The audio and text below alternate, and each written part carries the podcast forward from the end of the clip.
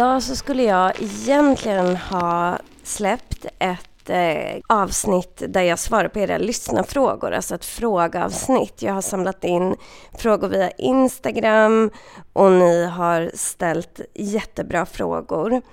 Tyvärr så kommer inte jag kunna göra det för jag har fått eh, problem med mina stämband. Jag har det ibland, vissa av er vet om det. Det blir som att jag får jätteont i halsen och att stämbanden liksom krampar. Och det är när jag har gjort för mycket läsningar och pratat för mycket och sådär. Och då behöver jag vila rösten, annars blir det mer problem. Så att om jag skulle spela in ett långt avsnitt idag så skulle jag inte kunna prata nästa vecka och sådär.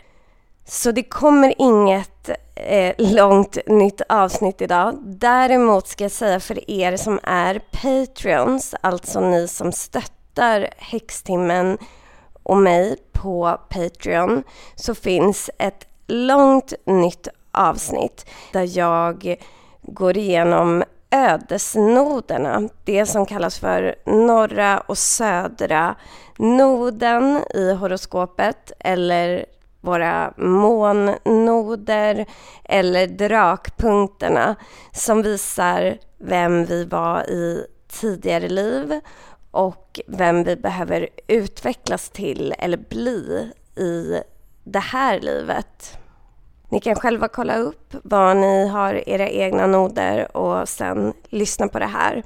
Och det här avsnittet hade jag då spelat in innan jag fick eh, ont i stämbanden och i rösten. Så det är klart och finns där för er. Jag tänkte jag ska lite kort bara nämna lite astro här för er. Och det är så att Venus har gått in i lejonet. Även Mars är i lejonet nu, så vi har ganska mycket energi i eldens fasta tecken som lejonet representerar. Venus kommer faktiskt stanna där i hela fyra månader nästan, till den 8 oktober. Och det här beror på att det blir en retrograd, en Venus-retrograd i lejonet och den blir i slutet av juli och under hela augusti i princip. Men så för alla så sätter den här transiten igång lite sommarens tema som blir expressiv kärlek eller väldigt expressiv kreativitet. Sist vi hade den här typen av transit när Venus gjorde retrograd i lejonet var sommaren 2015. Så tänk tillbaka på vad ni gjorde då, om det var några teman som var aktiva och sådär, för de kan komma tillbaka. Särskilt kopplat till relationer, kärlek, men även självkärlek, er kreativitet, er kreativa utveckling, till viss del andlighet och sådär. Jag har sett några teman i mitt liv, inte så mycket kring relationer eller så, men däremot kring min andlighet och bland annat så här, att jobba med gudinnor, vilket jag gjorde väldigt mycket sommaren 2015. Och jag började läsa boken Kirke av Madeleine Miller, alltså nu här i veckan bara. Den kom ut för några år sedan och eh, handlar om gudinnan Kirke som är den första kända häxan eller häxan vi känner till i västerländsk litteratur. Så att hon är den första häxan som finns beskriven i litteratur. Och det var lite kul för att jag eh, höll på att läsa den här boken och så var jag ute med Elfin på kvällen och då gick jag och nynnade en hymn som man kan använda för att lite så här åkalla eller komma i kontakt med Kirke. Och då går jag där och när jag tittar ner på marken så ligger framför mig en granatröd, tror jag man säger. Eh, jag tänkte själv på ett granatäpple, men en granatäppelröd glaspärla på marken som jag plockade upp och gick hem. Sköljde av, gjorde jag. Och sparade. Och den, jag har den faktiskt i min hand nu när jag pratar, men det kändes som någon liten så här vet inte vad man ska säga, liten eh, gåva från Kirke eller liten kontakt med henne. Men eh, så att ja, jag känner min connection till så här, eh, till gudinnor och det kanske är till något vi kallar gudomligt feminint. Jag kommer prata mer om gudinnor, jag ska göra som en liten serie där jag går igenom lite olika gudinnor och hur man kan göra för att komma i kontakt med dem genom olika ritualer. Jag ska säga det, för vissa kanske tycker bara, men gud, gudinnor, vad pratar du om? Och där kan man tänka på olika sätt. Enligt mig så behöver man inte mm, liksom tänka sig eller tro att eh, en gudinna är så en speciell entitet eller en särskild person eller så, utan man kan tänka på det som en slags arketypisk kraft, alltså någon högre kraft som presenteras på ett sätt som vi själva kan få kraft av och få kontakt med. Jag har själv jobbat mycket med gudinnor när jag kanske känt mig svag eller att jag vill utveckla olika delar av min personlighet. Så jag har gjort det i allt ifrån när jag har känt mig, alltså när jag har gjort något dumt eller ni vet man känner sig oomtyckt kan vi jobba med gudinnor som är lite åt det mörkare hållet. När man vill komma i kontakt med mer omhändertagande sidor eller kärleksfulla sidor eller så kan man connecta med den typen av gudinnor. Kirke är väldigt cool för att hon är eh, liksom så kopplad till häxkonst och till magi.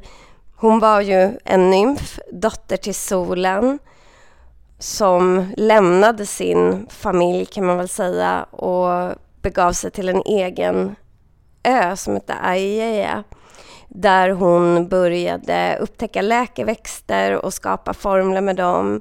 Och ja, hon hade en trollstav och hon eh, förvandlade gudar och människor till olika figurer och sådär.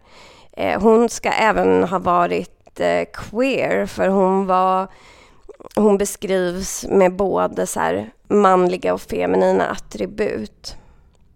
Men jag ska säga för er astrointresserade också, jag kommer skriva, jag ska faktiskt göra det nu strax, skriva en post till Instagram om Venus i lejonet. Men för alla er som, precis som jag själv, har lejon i ascendenten, det här kan bli en spännande sommar. Venus är i er ascendent, hjälper er eller oss att attrahera in både kärlek, pengar, andras välvilja, hjälper oss att jobba med självkärlek, självacceptans, att må bra överlag. Venus är planeten för skönhet, för kärlek, för omvårdnad, för att njuta av livet. Och när Venus är i vår ascendent så förstärks de här områdena i våra liv. Och ni andra kan titta var ni har Venus, eh, eller var ni har lejonet i horoskopet. För det området, alltså nu pratar jag om husen igen, de astrologiska husen, som vi all, alla vägar leder till de astrologiska husen. För då kan ni titta så här, har man till exempel lejonet i andra huset, som är huset för ekonomi och tillgångar och så, då är det där det kommer bli ett ökat positivt fokus den här tiden, alltså fyra månader framåt. Har man det i sjunde huset, om man till exempel är vattumanascendent, då har man lejonet i sjunde huset. Då är det inom partnerskap och relationen till andra. Har man solen i lejonet, eller månen i lejonet, eller sin egen Venus i lejonet, då innebär det att de här planeterna får energi av Venus under fyra månader framåt. När det kommer till solen är det vår identitet, vår självutveckling, vårt ego som får energi av Venus. Det är väldigt positivt. Även till månen, då är det känslolivet, det intuitiva och även kroppen till viss del som får energi av Venus. Så att det här är väldigt positiva transiter som man kan säga sker varje år, för Venus rör sig genom zodiaken relativt fort. Men nu blir det extra långt. Så alla med starka lejonplaceringar kan få lite extra bra energi i horoskopet.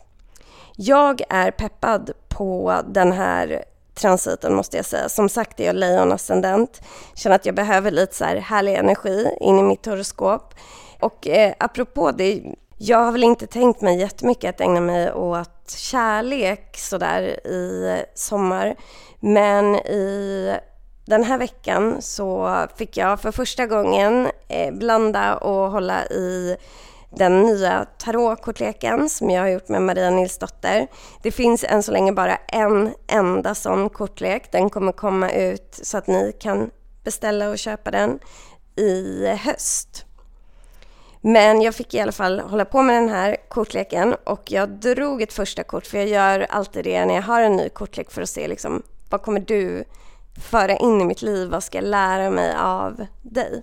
Och då drog jag The Lovers, alltså de älskande.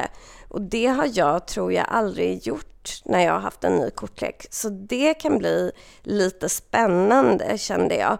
Det behöver ju inte betyda att man ska bli kär, men att det har någonting med relationer och tillhörighet och sådär att göra. Nu ska jag vila min röst och dricka te och honung. Så får ni ta hand om er och eh, ha det härligt i den här Venus i lejonet-helgen.